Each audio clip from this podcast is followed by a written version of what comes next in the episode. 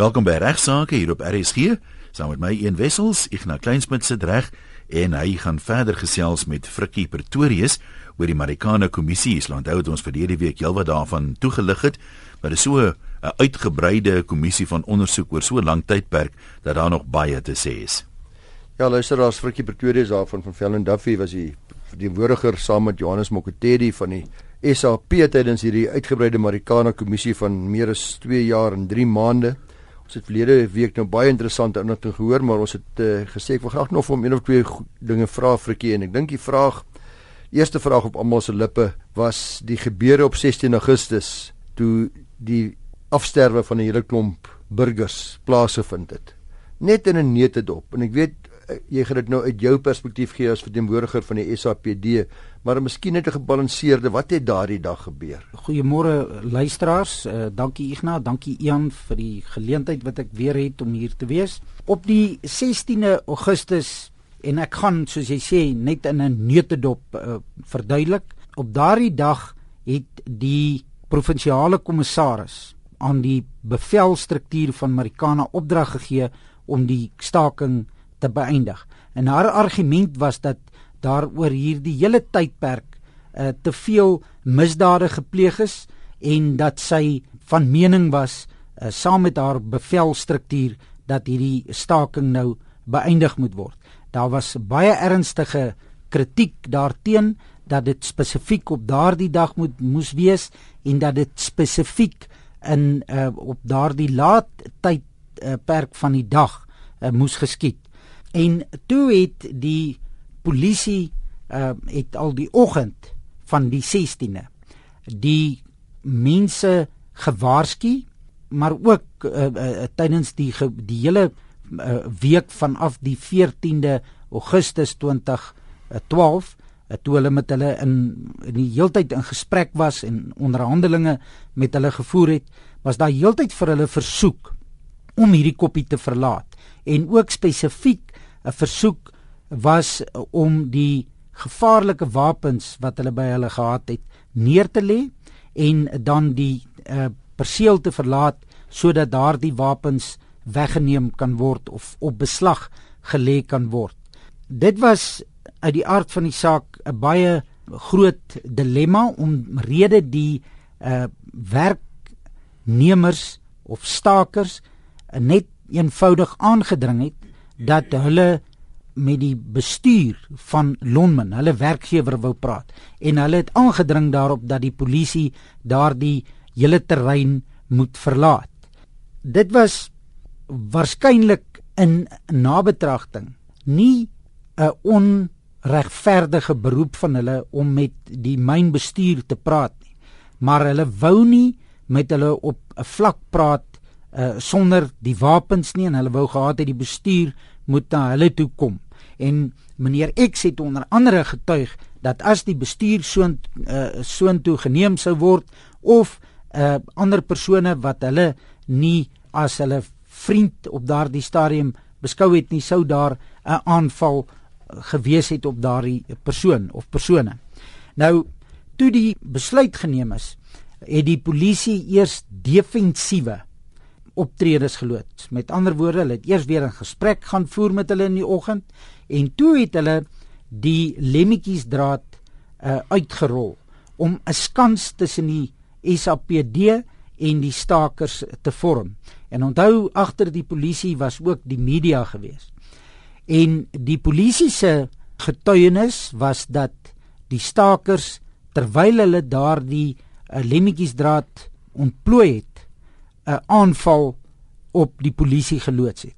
Nou dit was 'n ernstige dispuut in die in die kommissie en dit is ook iets wat stakers ontken dit. Die stakers ontken dit uh, inteendeel hulle sê dat hulle net eenvoudig na hulle huise toe beweeg het. Maar dit is baie duidelik te sien op die video uh, opnames en wat ook op oor die nuus uitgesaai is op televisie uh, stasies dat daar 'n groep was wat meer militant was en wat meer georganiseerd was as die groter groep wat net op die koppie uh, gesit het.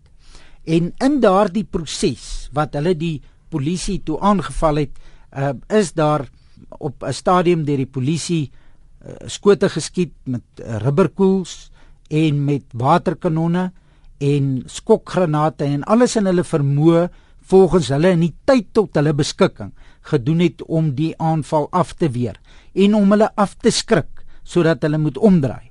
Maar hierdie stakers was vasbeslote om deur hierdie linie te breek. Ek moet nou net weer sê dit is iets wat die wat die stakers ontken het. Meneer X se getuienis was dat hy deel van daardie besluit was dat hulle deur die polisie ja. se lyn wou breek ons het nou vandag natuurlik die die voorreg om jou te hê omdat jy die en jy die polisie verteenwoordig en uit die aard van die saak sal die kommissaris mettertyd moet besluit watter weergawe van al hierdie verskillende weergawe aanvaar gaan word. Maar ek sou baie graag ook net vinnig wou gaan ons gaan ongelukkig nie genoeg tyd hê om in detail aan te kyk nie. Net vinnig weer wil ook ook die vraag wat gevra is rondom die beskuldigings uh wat op die media gepubliseer is van die stakers wat op die stadium in 'n bos vasgekeer was en toe blaatant vermoor is deur die SAP. Natuurlik ontken die SAP, is maar net weer 'n gebalanseerde situasie van wat die argumente weerskant toe was daar. Dit is waar uh, Ignas uh, daardie eerste voorval wat uh, plaasgevind het, uh, het, het het het die polisie toe op 'n stadium met lewendige ammunisie geskiet en jy sal weet dat uh, die die uitsendings op televisie was dat daar toe 14 mense uh, gedood is. Uh, en um, of 18 mense gedood is en daardie van daar af het die polisie toe voortgegaan om 'n opvolgoperasie uh, te doen om die stakers wat toe vlug met wapens en ook met vuurwapens want hulle het by daardie eerste geval het hulle onder andere op die polisie geskiet en dit is duidelik uh, te sien nou op die televisie uitsendings. En dis nou, nou die tweede deel wat ek wat ons nou te kom ja, wat dit Ons is nou op pad na die tweede ja. deel toe. Toe uh, het hierdie stakers gevlug en ongelukkig en dit is iets wat die uh, polisie erken het was daar tekortkominge. Die een ernstige tekortkoming was die radiokommunikasie. Nou ons wat destyds diensplig gedoen het uh, en wat die A53 radio uh, gebruik het sal weet wat 'n analoog stelsel is. Wat uh, uh, daardie stelsel uh, word ongelukkig deur 8 provinsies in Suid-Afrika gebruik en die enige die die enigste ander provinsie wat die digitale stelsel gebruik is uh Gauteng. Nou wat met hierdie stelsel die probleem is dat as twee persone met mekaar praat, kan geen ander persoon uh inkom op die radio nie. En daar het ongelukkige probleme ontstaan met uh, die uh radiokommunikasie en die operasionele uh, uh, bevelvoerder wat 'n sterker radio in sy voertuig gehad het, het 'n um, 'n goeie kommunikasie met die helikopter wat in die lug was gehad, wat ook 'n sterker uh, radio gehad het en uit die aard van die saak as gevolg van die hoogte 'n beter sein gehad het. Dit het veroorsaak dat nadat hierdie persone gedood is, daar geen kommunikasie tussen die uh bevelvoerder en van die uh troepe of polisielede op die grond was nie en die operasionele bevelvoerder was nie eers bewus daarvan dat daar mense gedood is nie. Anders sou hy die operasie onmiddellik gestop het. Uh en dit sou ook van hom verwag word om dit onmiddellik te doen. Dit het onder andere ook daartoe gelei dat uh, daar baie kritiek was dat uh, die ander partye uh of rolspelers het uh, was van mening dat die persone wat in die beheersentrum was of die gesamentlike beheersentrum was moes geweet het van hierdie persone wat gedood is en dit het ongelukkig uh, het die polisie dit ontken maar hulle het daarom erken dat daar sekere lesse geleer is uit hierdie uh, hele operasie en Hulle het onder andere onderneem om radiokommunikasie in die toekoms meer effektief te maak. Ja, daar was op 'n stadium dokumente ingaan, ek dink deur van die partye onder andere die polisie wat sê lesse wat ons geleer het en ek wil daarby uitkom en dit is so belangrik om te weet dat ons belastingbetalers geld ook goed gespandeer was in hierdie hele oefening van 2 jaar en 3 maande voor die kommissie dan moenie weer 'n Marikana wees. Daar is 'n klomp lesse geleer deur deur verskeie rolspelers. Heeltemal korrek, uh, Ignas, die Uh SAPD het so 'n dokument ingehandig en dit is ook deel van die verslag. Ja, Ignas as gevolg van die ehm um, radiokommunikasieprobleem het daar van die stakers gevlug na 'n uh, gedeelte toe. Ons het uh, na verwys as Koppie 2 en daar het hulle in 'n bos uh, gaan skuil waar daar ook rotse is. En as gevolg van hierdie kommunikasieprobleem het van die polisie eenhede daardie bosgedeelte waar hulle skuil uh, genader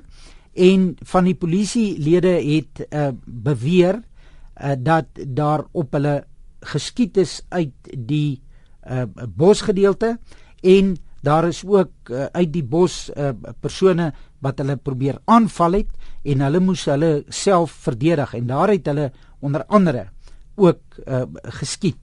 Maar wat die ernstige probleem hier is en die uh, polisie erken dat daar waarskynlik 'n moontlikheid is dat uh, van hierdie polisielede gereageer het op ander polisielede wat van die ander kant van die koppie of bebosde gedeelte gevuur het.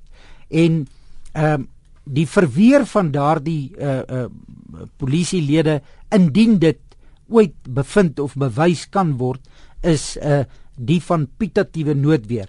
Nou ek weet in jou program het julle al baie na noodweer of selfverdediging uh gewys uh of dit behandel en hier bespreek. En uh, nou nota 'n pitatiewe noodweer is so bietjie iets anders. Uh in die geval van uh noodweer uh is jou optrede nie re, uh, onregmatig nie omdat jy uh optree om jouself te beskerm uh, teen 'n onregmatige aanval. In hierdie geval glo jy dit is 'n onregmatige aanval en later blyk dit dat dit nie 'n onregmatige aanval is nie en jy reageer in die geloof dat jy jouself verdedig. In daardie geval is jou optrede as jy iemand sou dood of beseer nog steeds onregmatig, maar omdat jy redelikerwys kon geglo het dat jou lewe in gevaar is, sal die skuldbeginsel uh, of element van die misdaad ontbreek en jy sal onskuldig bevind kan word.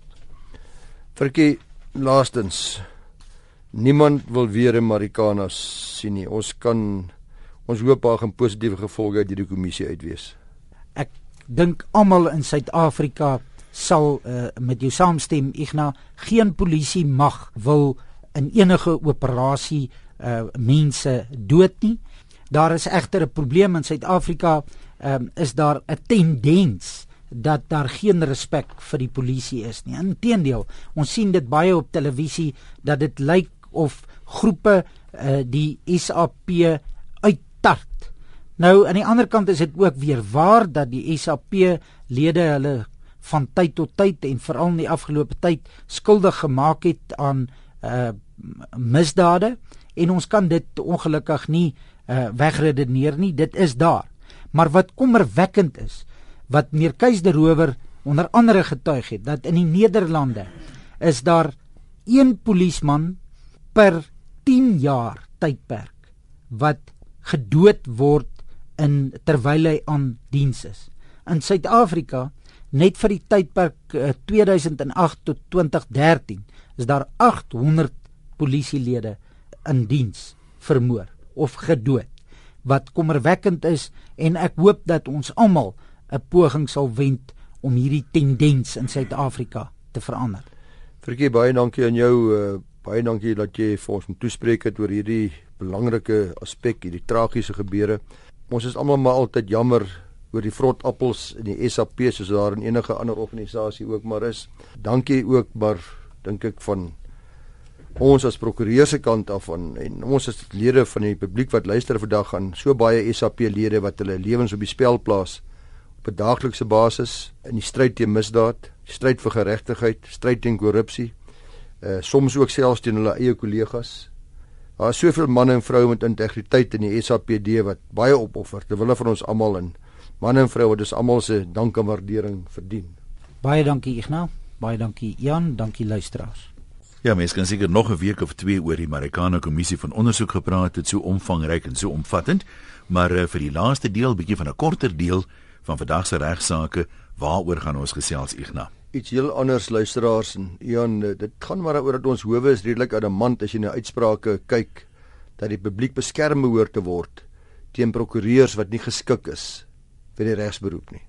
Terwyl hierdie program nou aangebied word deur die Prokureursorde van Suid-Afrika, dink ek tog is maar goed om ook te verwys na twee onlangse sake waar dit weer eens baie duidelik geword het dat ons regters erns het daarmee dat die karaktereienskappe en karakterverwysings van 'n prokureur van besondere hoogstaande gehalte moet wees dat die publiek ten alle koste beskerm moet word teen die geringste moontlikheid dat hulle regsverteenwoordigers dalk nie oor die karaktereienskappe beskik wat nodig mag wees om hulle regsbelange na om te sien nie. Is dit nie wat in die omgangstaal bekend staan as 'n fit and proper person? Absoluut. Artikel 4B van die Prokureurswet van 1979 bepaal uitdruklik dat slegs iemand wat 'n fit and proper person is, soos jy nee, sê. Nee, daai fit het my altyd gepla.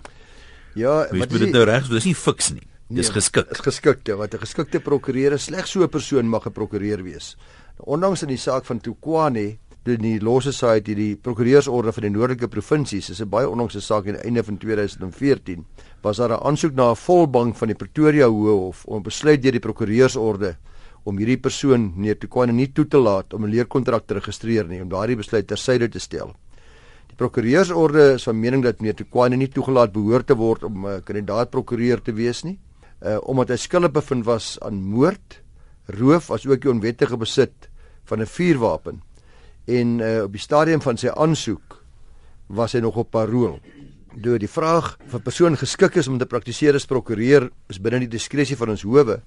Dit al uh, het hulle altyd die finale sê en berus die finale seggenskap nie by die prokureursorde nie wat in hierdie geval geweier het nie. Die howe moet die persoonlike kwaliteite van so 'n persoon in aanmerking neem sê die hof met 'n agneming van die prestige, die status, die waardigheid van die beroep asook die integriteit, die standaarde van professionele optrede en die verantwoordelikheid van praktisyns om te besluit of 'n persoon wat 'n prokureur wil word wel fit en proper, wel 'n geskikte persoon en oor die nodige kwaliteite beskik. In hierdie saak is die applikant, hierdie kandidaat prokureur skuldig bevind aan ernstige misdade sê regter Rabbi. Dan sê hy die volgende: There can be no doubt that those crimes are of such a disgraceful character that the person committing them cannot be admitted to a honorable profession. This was also not disputed by the applicant. Consequently, in applying the principles and in order to prove that he was a fit and proper person to have his contract of articleship registered, the applicant would at least have had to prove to the satisfaction of the Law Society that he had undergone a complete and permanent reformation in respect of such conduct and accompanying character defects which caused him to commit the crime in the first place. So die hof sê die bewyslas is op hom, die aansoeker. Dis sê hy is volkome gerehabiliteer. En dat daardie karakterdefekte wat gepaard gaan met hierdie tipe van misdaad waaraan hy skuldig bevind is, dat dit bestaan nou nie meer. Dit is baie moeilike bewyslas terloops. Die hof sê dat die ek, ek neem aan die verloop van tyd sou ook 'n rol speel. Ou kan nou nie laasweek 'n misdaad pleeg en nou sê jy's hervorm nie. Verloop van tyd speel 'n rol en dikwels ook goeie psigiatriese sielkundige getuienis. Ja. En ook wat jy gedoen het in daardie tyd. Kom ons sê byvoorbeeld dat jy geld uh, wan aangewend. Uh trustgeld geneem dan sal dit baie belangrik wees om weet ek het weer met ander mense se geld gewerk oor 'n tydperk van 10 of 15 jaar. Dit mooi opgepas. Ek het by fiduciêre pligte nagekom en hier is 'n kundige wat sê ek het ware berou. Ek het regtig gerehabiliteer. Ek is getransformeer. Uh die hof sê dat die feit dat die departement van die korrektiewe dienste dit dalk goed gedink het om parol aan 'n applikant toe te staan geen aanduiding daarvan is dat hierdie persoon skielik geskik is om 'n prokureur te word nie. Want dis wat eintlik aan wat die wat die uh aansoek die aansoeker beweer het. Hy sê man, die hierdie korrektiewe dienste sê ek is nou reg om in die gemeenskap vrygelaat te word. Die hof sê ja, dit mag so wees. Maar dit beteken nie jy is reg om losgelaat te word as 'n prokureur op ja. uh, onskuldige kliënte nie. Die hof kom dus tot die gevolgtrekking om die getuienis dat daar geen aanduiding is dat daar werklik 'n volledige asook permanente hervorming is aan die kant van die applikant nie en hy uh, word gesê dat hy mag nie 'n leerkontrak registreer nie en sy aansoek word van die hand gewys. Kyk, ek het gesê daar, ek het mos maar 'n siekie mos en ek sit net en wonder watter lid van die publiek sal die prokureur nou kies as jy nou 'n keuse uit verskeie prokureurs het En die gedagte wat by my opkom is dat hy dan ten minste praktiese ondervinding van moord wat baie van julle ander ouens nou nie het nie.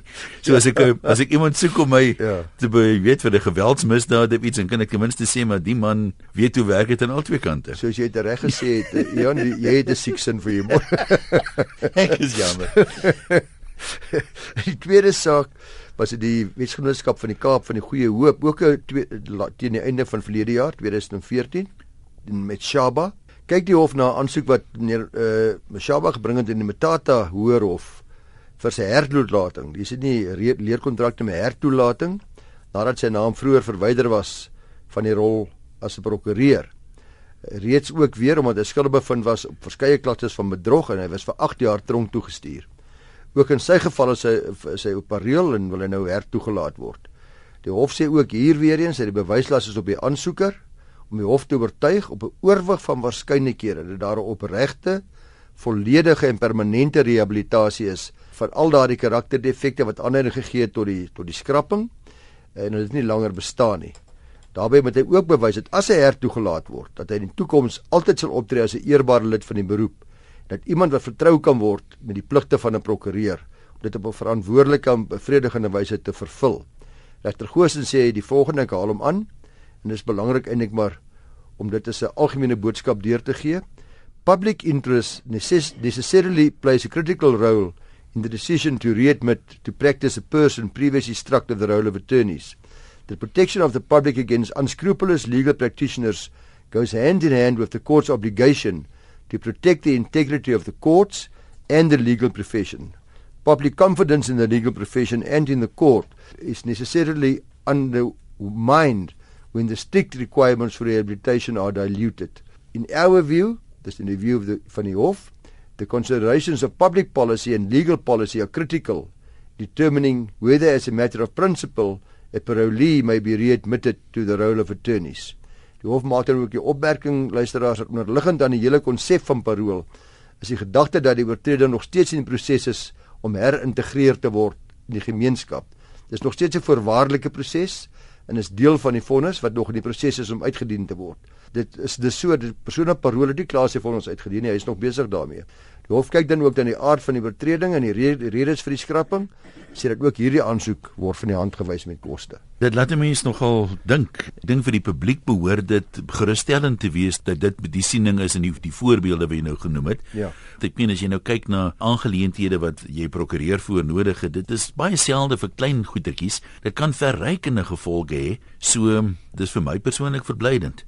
Ja, is so, dankie Ian en jy weet die net soos vroeër oor die polisie gesê het, is daar natuurlik in die prokureursberoep ook vrot appels. Hulle is baie baie min ver van mekaar verwyder want die meeste lede van die publiek wat na prokureur toe gaan en ek kan dit sonder vrees vir uh, teespraak gee, gaan daar na toe omdat hulle die prokureur vertrou met sy diepste geheime, vertrou met sy besigheidsake, vertrou dat daardie prokureur met integriteit gaan optree, dat hulle nie belangstel in prokureurs te hê wat nie integriteit het nie en wat oneerbare karaktereienskappe het nie. So daar's 'n klein groepie mense wat soek na 'n aanhalingstekens 'n skelm prokureur en daardie soort kom by mekaar uit, soort soek soort en daar is ja. mense wat met ter tyd van die rol geskraap word. Nee, ek weet waar mense betrokke is. Ek meen, kom ons wees nou maar eerlik, selfs onder geestelike leiers kry jy die vrot appels wat precies. lol met kinders en al hierdie tipe van ja, dinge. Precies. So waar daar mense is, is daar is daar maar altyd 'n risiko. Nou gelukkig het ons nie sertifikate nodig vir fit en proper luisteraars nie. So ek sê aan elke enkele luisteraar, die wat fit en proper is en die ander, lekker dag verder. Baie dankie dat jy geluister het na regsaake. Dit word moontlik gemaak deur die Prokureursorde van Suid-Afrika en jy kan eh, as jy wil hê spesifieke onderwerpe waaroor ek nou moet praat, kan jy vir my e-pos stuur na igna@ffd.co.za. Groetens tot volgende maandag.